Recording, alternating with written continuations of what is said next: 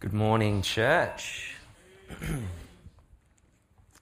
In 1560, 1560, the influential Protestant reformer John Calvin gave a series of lectures on the book of Jeremiah, the book we just read from. Now, if you were a student in a Bible college doing an Old Testament course, how many lectures on the book of Jeremiah in a row do you think you could handle? Like, at what point is you, you're going to stop showing up to those lectures, right?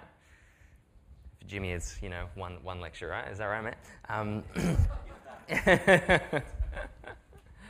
um, John Calvin preached, sorry, not preached, lectured through the whole book of Jeremiah over the course of 193 lectures three lectures a week every second week to those students. Took him about two years to do it. and we actually have um, published like the written um, notes from all those lectures because his students dutifully wrote them all down and they took the notes to Calvin and said, Is this what you really said? He said, No, that's not what I meant. Anyway, it got published.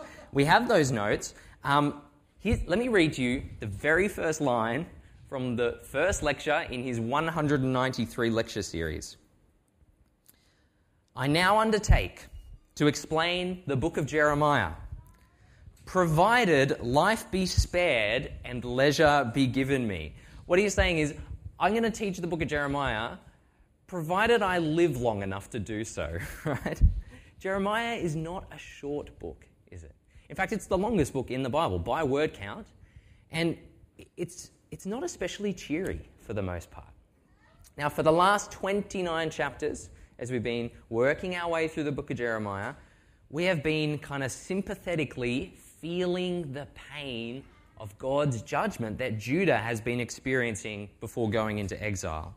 And then something amazing happens. These four chapters, chapters 30 to 33, stick out like a sore thumb in Jeremiah. And let me tell you, it's the most wonderful and pleasant sore thumb you've ever experienced. Often called the, the book of consolation, this little section of Jeremiah is like a breath of fresh air. Here we find the exhausting pain that's coming for Judah suddenly replaced with relief. In Jeremiah, the blast of judgment is suddenly interrupted by a cool, refreshing breeze, like a sudden southerly on a hot, humid, and sweaty day. These four chapters are full of optimism and delight. And this morning, I just want us to savor that, to sit here and, and feel how good these promises of God are in these chapters. And I've got just two points for us today, just two things that I, I think kind of uh, capture a lot of the ideas here. The first is that God's love is more extravagant than we could have ever hoped and his renewal, his making things new, is more surprising than we could have ever imagined. His love, more extravagant than we could hope, his renewal, more surprising than we could imagine. Back in 2014, there was a, a photo uh, up there on the screen, you can see it, uh, that went viral on social media. Some of you may have seen this particular picture. The story behind the picture is quite um, compelling and moving. So you can see there's a man there uh, dressed in his academic gowns, uh, just graduated from university. Beside him stands his father.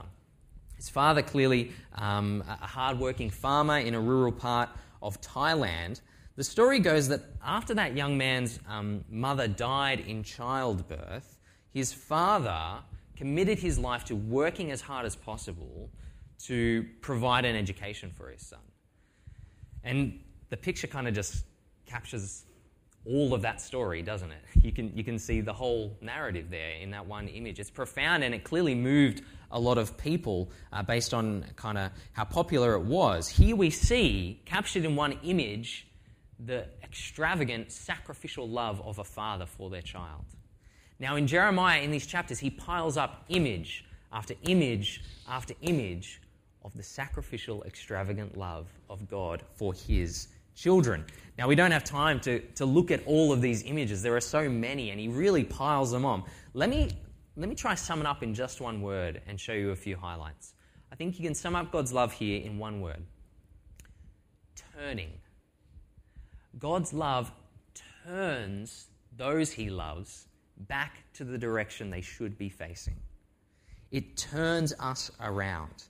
You see, all throughout this section, God is like a parent that is turning their toddler back towards safety, right? If you saw a kid mindlessly walking towards the road, you'd do everything you could to stop them, right? You'd yell, you'd jump in the way, you'd, you'd do whatever you could to stop. When, when, I take my daughter Kaya for a walk around the streets of Riverstone, uh, sometimes I think she needs a wheel alignment. She kind of um, just seems to slowly drift towards the street at times and kind of out into the middle of the road, and I just have to gently realign her back onto the safety of the, the grass, right? God is doing that, directing his people aright. In fact, um, the Hebrew word for turn, shuv, it shows up 20 times in these chapters. It's a very common theme. God's love for his people is persistent and it goes to extreme lengths to turn them back. Jeremiah starts, this is in chapter 30. Um, if you've got your Bible there, turn to chapter 30. Chapter 30, verse 3. He starts with this The days are coming, declares the Lord, when I will bring my people Israel and Judah back from captivity and restore them to the land I gave their ancestors to possess. This is surprisingly positive for Jeremiah.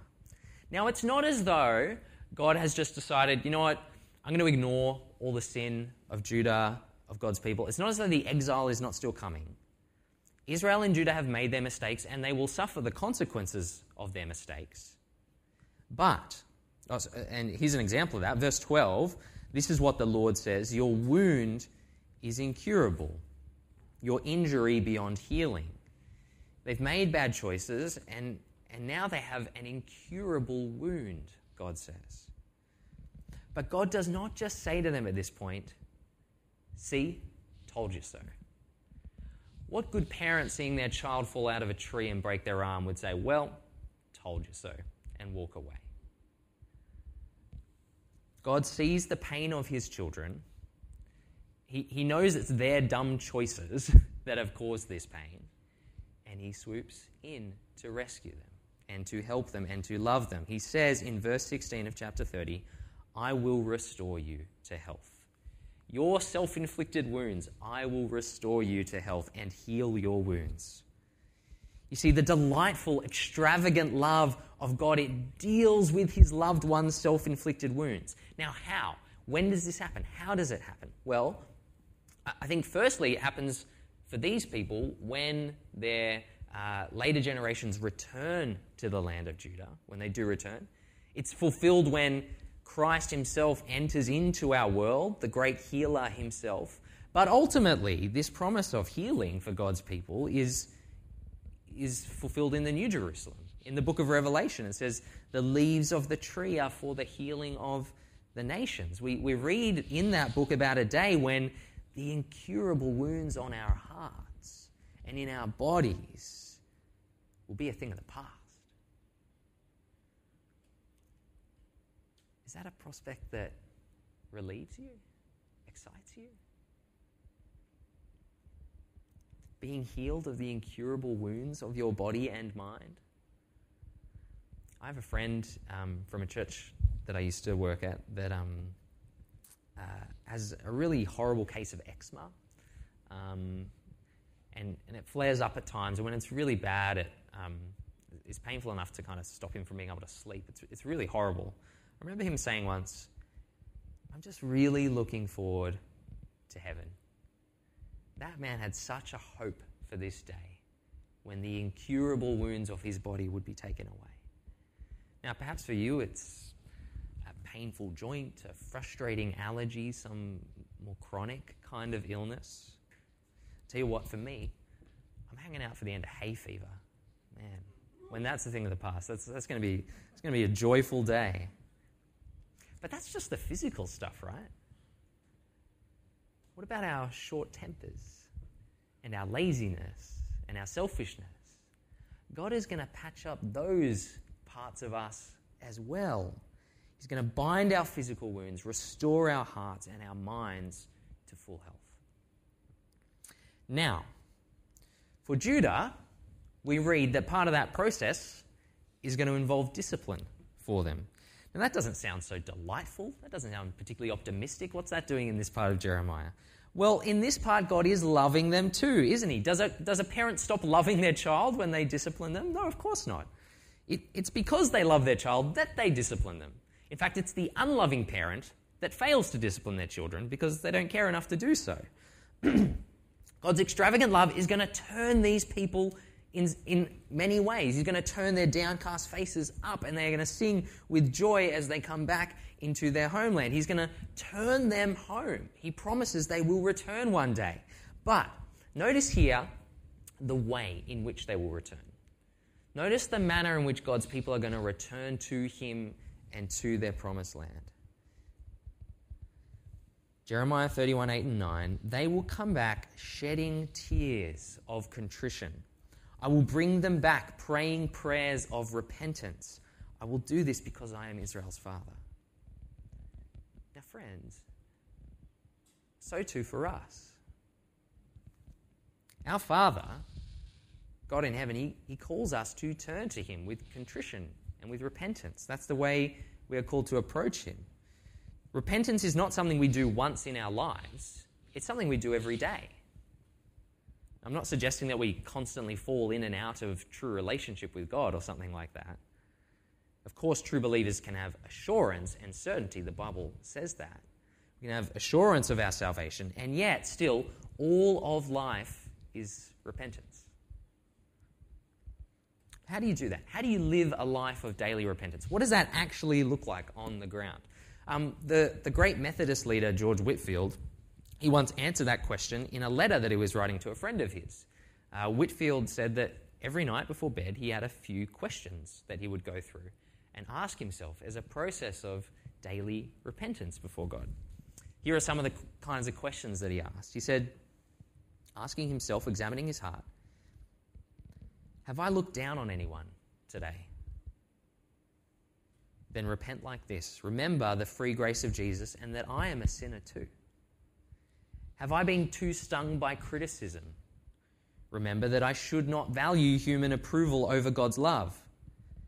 Have I spoken or thought unkindly of anyone? Am I justifying myself by caricaturing someone else in my mind? Remember, there was no unkindness in how Christ sacrificially loved me. Have I been impatient and irritable? Remember how patient He is with me. Have I been self absorbed and indifferent and inattentive to people? Remember how infinitely patient and attentive God has been to me. See, repentance means tangibly confronting the parts of ourselves that are still being transformed into the image of Christ. Now, coming to a parent to fess up is a terrifying thing when that parent is cruel and uncompassionate. Coming to a father to say sorry, to admit the wrong you've done, is a wonderful thing. To be honest and vulnerable, it is a wonderful thing when that father loves you with an everlasting love.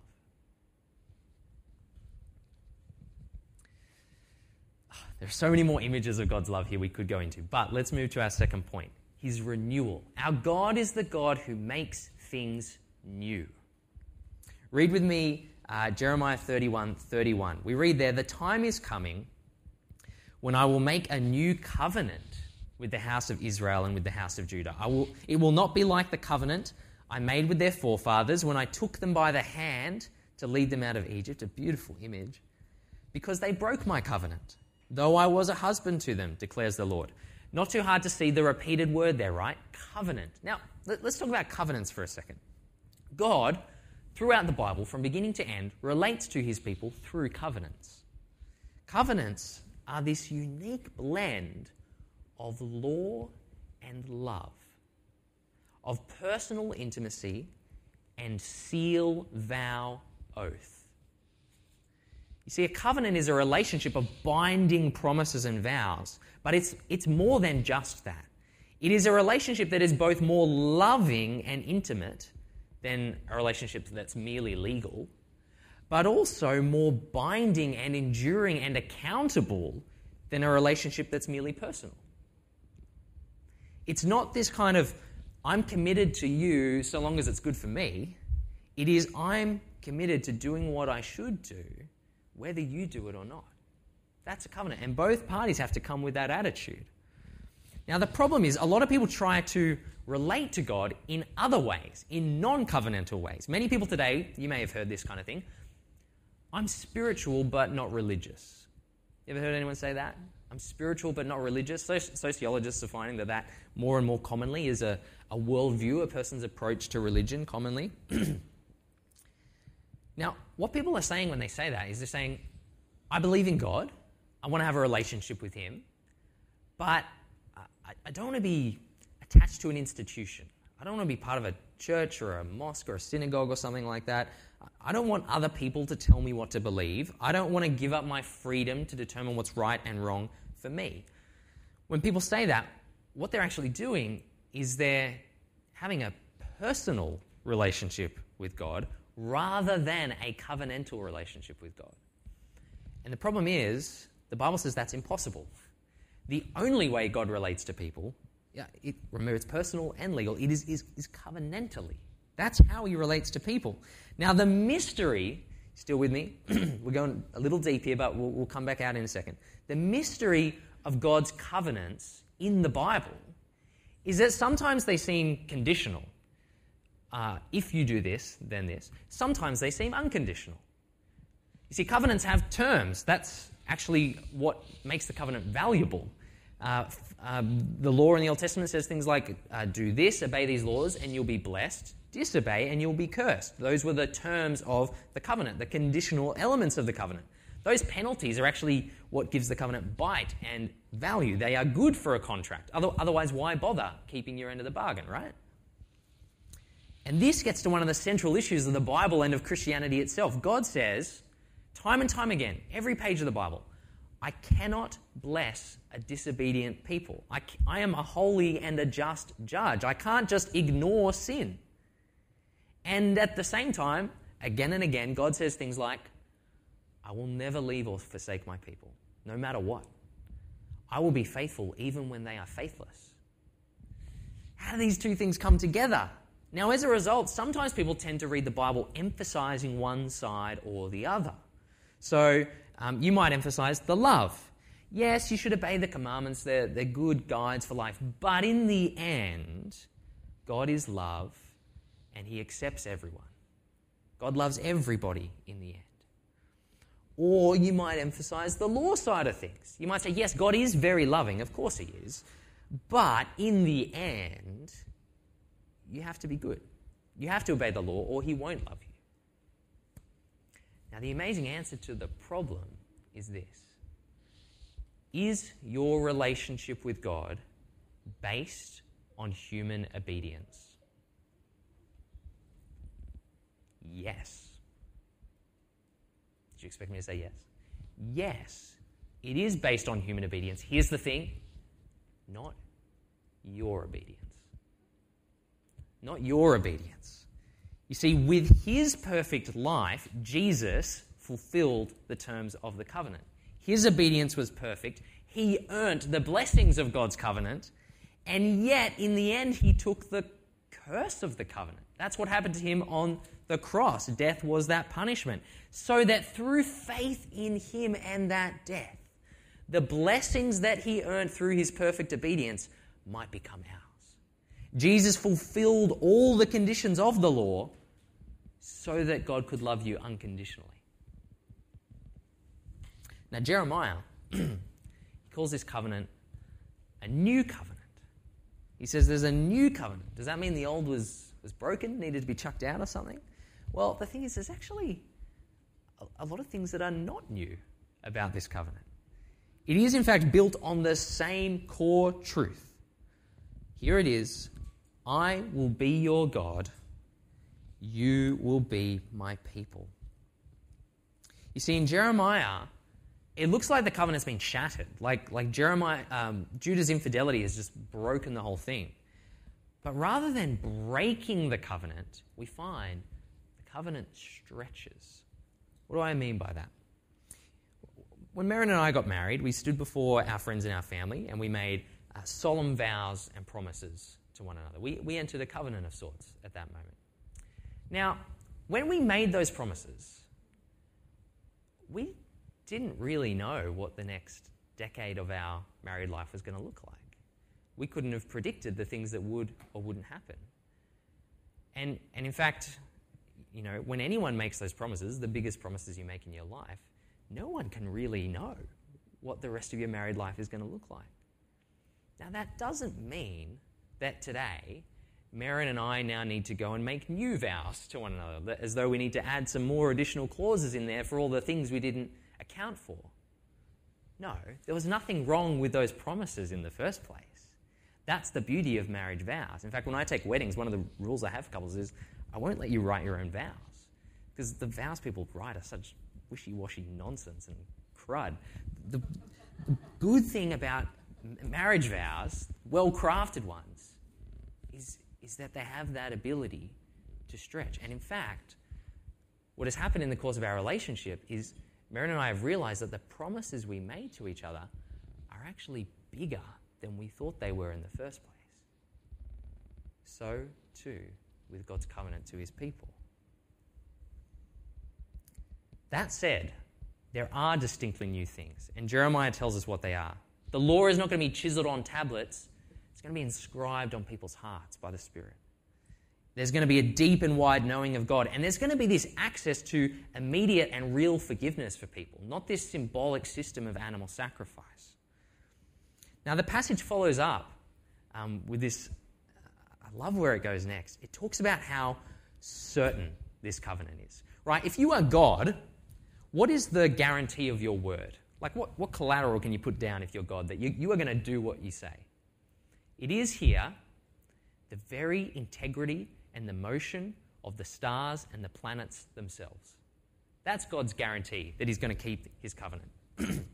Here's what we read God says, If you can break my covenant with the day and my covenant with the night, so that day and night no longer come at their appointed time, right? If you, could, if you can stop the sun going down tonight and coming up again tomorrow morning, then, you know, this covenant may not come through. But so long as that happens, this covenant of God with his people cannot be broken. That is the level of his commitment to his people. And in fact, Jeremiah trusts it so much that he makes one of the dumbest property purchases in all of history. From a human perspective, that is. At chapter 32, you might have a heading in your Bible there. I'd be interested to know what headings your Bibles have at chapter 32, actually. Mine says, Jeremiah buys a field. Cool.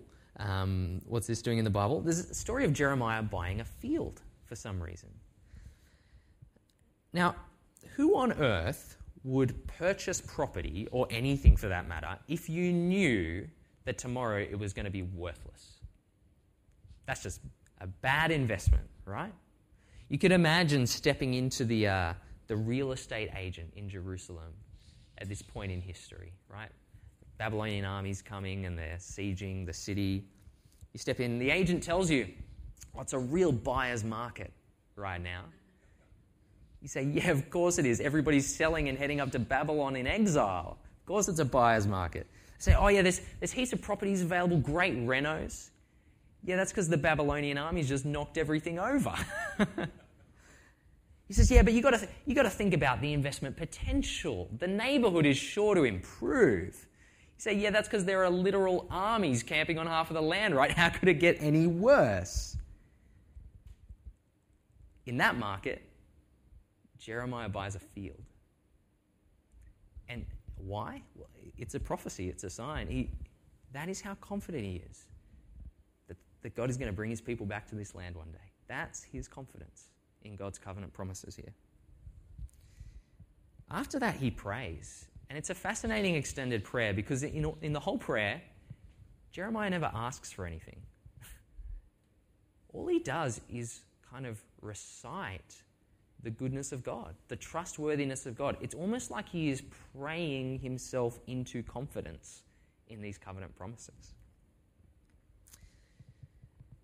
Our God is the God who makes things new. That's our God. He brings real change, real hope, a real future, a new covenant, a new Jerusalem, a new hope, new life for us. Now, here's the question How does this reach to us? How do these promises reach to us today, thousands of years later? It would be way too easy for me.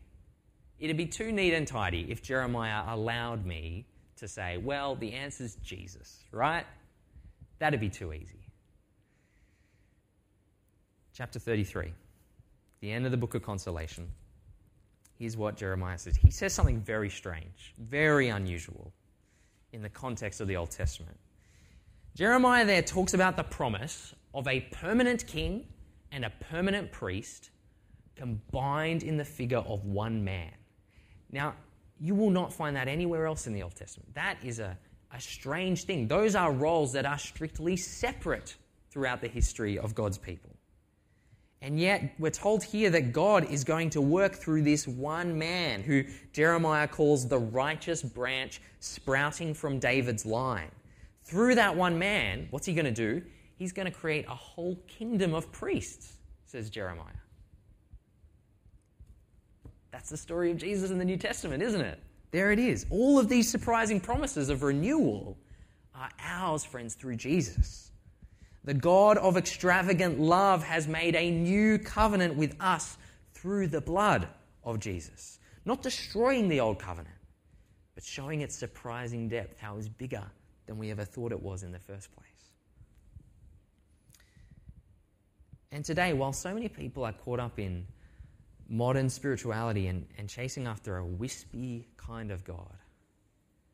Here we see the God of the Bible makes tangible, real covenants with real people at real moments in history with real results. That's not a wispy God, that's a crunchy God. that's, a, that's a tangible God. Let me finish with this quote. C.S. Lewis put it this way He said, An impersonal God, well and good. A subjective God of beauty, truth, and goodness inside our own head, better still. Some formless life force surging through everyone, a vast power which we can all tap, best of all. But a living God approaching us at speed, the hunter, the covenant Lord, the husband. That is quite another matter. There comes a moment when people who have been dabbling in religion suddenly draw back, supposing you really find him. You never meant things to come to that. If there is a God you are, in a sense, alone with Him. You cannot put Him off with speculations about your neighbour's hypocrisy or memories of what you've read in books. What will all that chatter and hearsay count when the anesthetic fog we call the real world fades away and the divine presence in which you have always stood becomes palpable immediate, and unavoidable. Friends, God invites you into a serious relationship with Him. The extravagantly loving, surprisingly renewing covenant God. Father, we thank you that you are not a wispy, airy, fairy, in our minds kind of God you have acted in history. You rose your son from the dead, and we have the evidence of that. We thank you that you uh, dealt graciously with Jeremiah, that you gave him these words of comfort and optimism and delight during one of the most terrifying moments in history for God's people. we thank you that we can know you, not just as a loving God who doesn't care about our sin and the way we live not just as a, as a law giving God who, who doesn't care for a personal relationship with us, but the God of law and love, the covenant God, who loves us extravagantly and renews us in surprising ways. Jesus Christ. Amen.